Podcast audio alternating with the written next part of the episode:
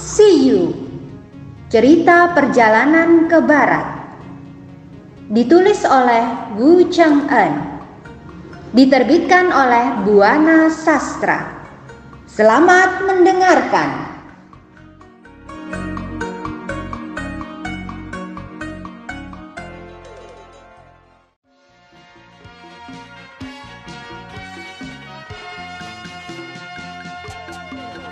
Bab 19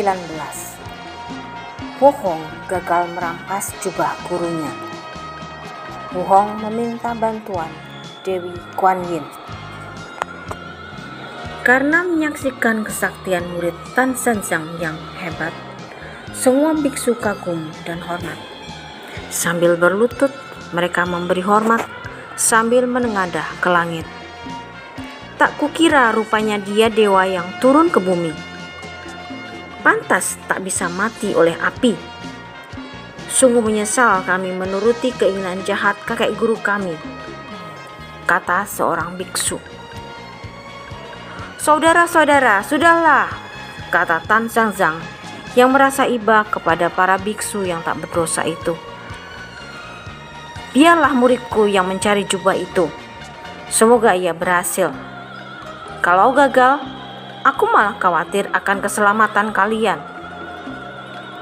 Semua biksu ketakutan. Mereka pun berdoa agar Sun Bokong berhasil menemukan jubah itu. Oh guru, tolong kami. Kami harap Anda bisa mencegah muridmu membunuh kami semua, kata seorang biksu. Sudahlah, jangan cemas. Kita tunggu saja hasilnya kata Tan San Sang menenangkan. Sun Wukong yang terbang dengan cepat sudah sampai di gunung angin hitam. Dari angkasa, Sun Wukong mengawasi keadaan tempat itu. Ia lalu mencari pintu gua yang dikatakan biksu tadi. Tempat itu sangat indah. Di segala penjuru, pemandangannya luar biasa indah pada saat asik mengintai, telinga Wukong sempat mendengar suara orang yang sedang berbicara. Diam-diam, Wukong menguping. Dari tempat persembunyiannya, ia melihat tiga siluman sedang berunding. Ada siluman yang berpakaian biksu. Di bagian kiri, ada siluman yang tampak masih muda. Yang satunya tampak sedang berbicara. Pasti siluman itu ketuanya. Besok hari ulang tahunku. Kuharap esok kalian bisa hadir di sini. Kata siluman itu yang ternyata adalah Raja Siluman Angin Hitam. Setiap tahun aku pasti datang. Mana mungkin kali ini aku tidak datang? Setiap tahun aku pasti datang. Mana mungkin kali ini aku tidak datang? Kata siluman yang berbaju biksu. Ulang tahunku kali ini akan kurayakan secara istimewa. Seru Raja Siluman Angin Hitam. Siluman berwajah hitam itu. Wah, hebat. Ada apa rupanya? Tanya siluman yang satunya. Tak sengaja tadi malam aku menemukan sebuah jubah mustika jika kalian ingin melihat, kalian harus datang besok.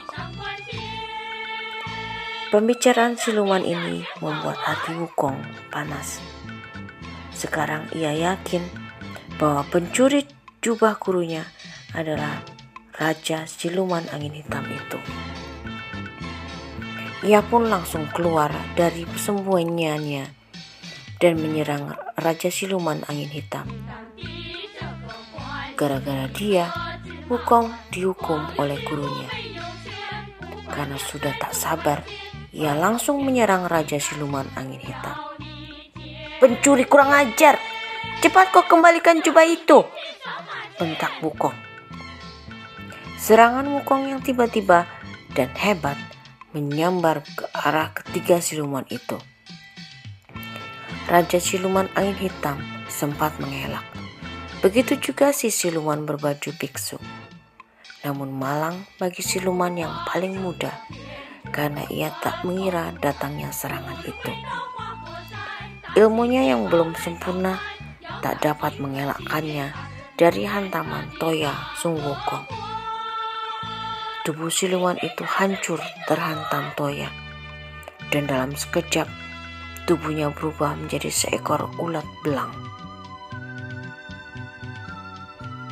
Raja siluman angin hitam dan siluman berpakaian biksu sempat kabur Melihat lawannya yang satu sudah binasa, Wukong melompat untuk mengejar kedua siluman itu. Wukong mengejar kedua siluman itu dan sampailah di sebuah gua. Di depan gua tertera tulisan yang berbunyi Gunung Angin Hitam Gua Angin Hitam Ini pasti gua mereka pikir Wukong. Wukong berteriak keras-keras di mulut gua itu. Hei, keparat, buka pintunya.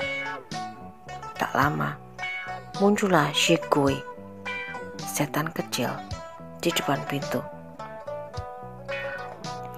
Melihat Wukong berdiri di depan gua, siluman itu segera bertanya,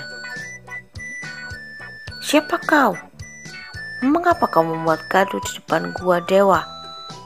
Kata siluman kecil itu. Hei siluman, cari mati kau. Berani benar kau menyebut ini gua dewa. Cepat panggil si hitam keluar untuk mengembalikan jubahku.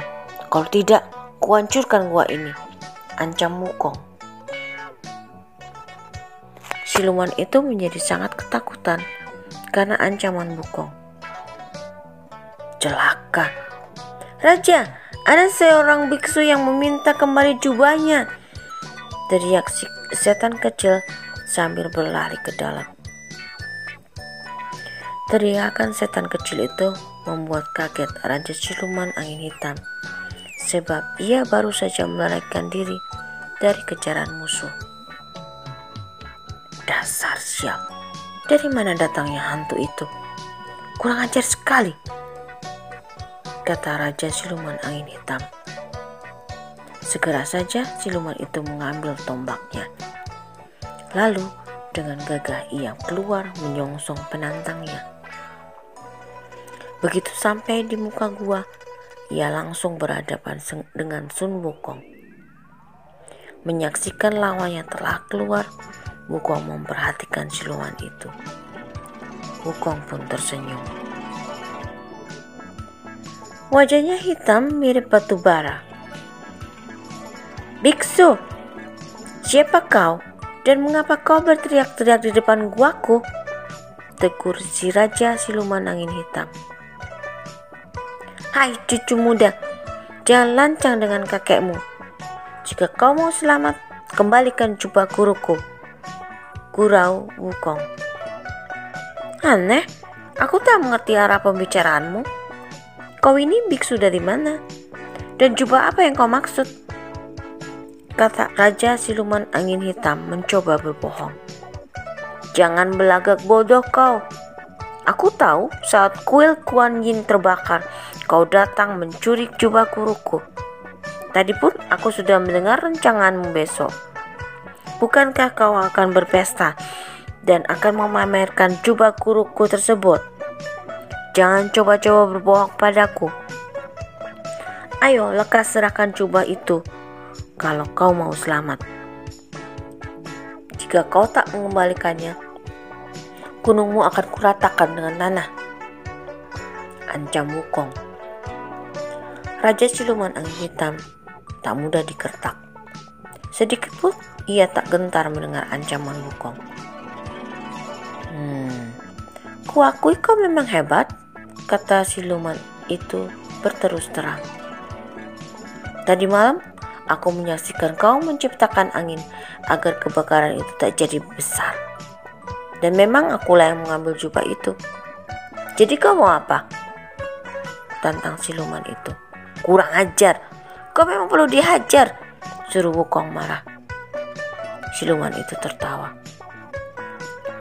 Kau punya kesaktian apa hendak mengajar aku? Ejek siluman itu. Wukong panas mendengar tantangan dari Raja Siluman Angin Hitam itu. Heh, rupanya kau belum mengenal dengan kakek moyangmu ya. Dengar, aku Sung Wukong, murid Biksu Tang.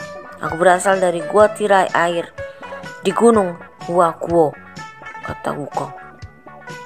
Oh, sekarang aku tahu, kata siluman itu. Bukankah kau si pengurus kuda yang mengacau di langit? Kata siluman itu lagi. Mendengar siluman itu menyebut-nyebut gelarnya di langit, Sung Wukong semakin kesal. Ia tidak bisa menahan amarahnya. Hei, siluman, kau berani mengolok-olok aku. Sekarang rasakan toyaku ini. Tanpa banyak bicara, Sung Wukong langsung menyerang lawannya dengan ganas. Ternyata siluman itu sudah siap menerima serangan. Sehingga ketika Toya Wukong menyambarnya, dengan mudah ia dapat mengelakkan serangan itu dan bahkan berhasil menangkis. Terjadilah pertempuran seru antara Wukong dan Raja Siluman Angin Hitam.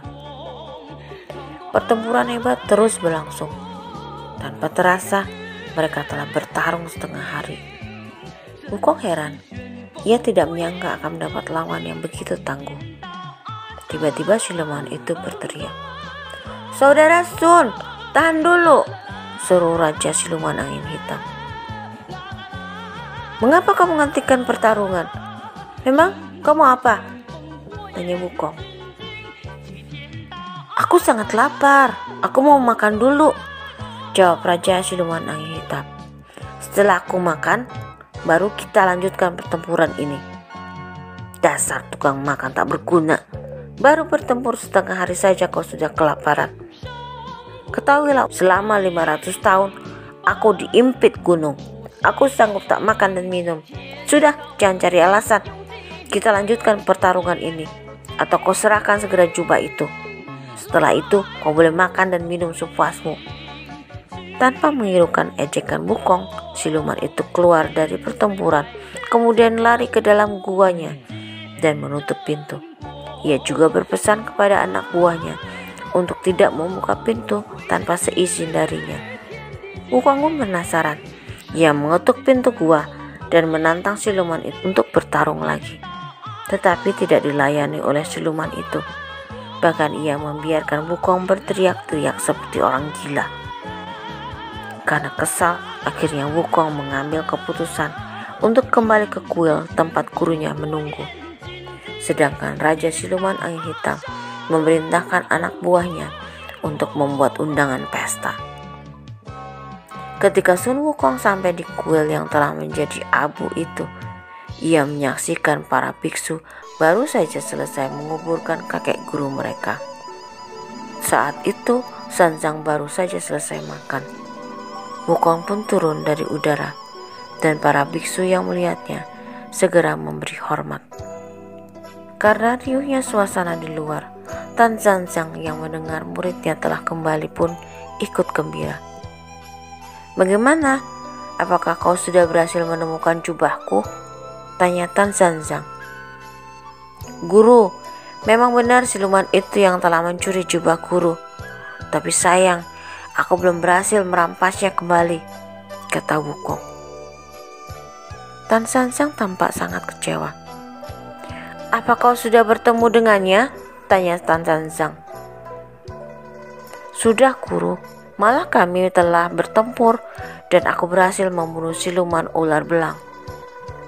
Tapi Raja Siluman Angin Hitam itu sangat kuat.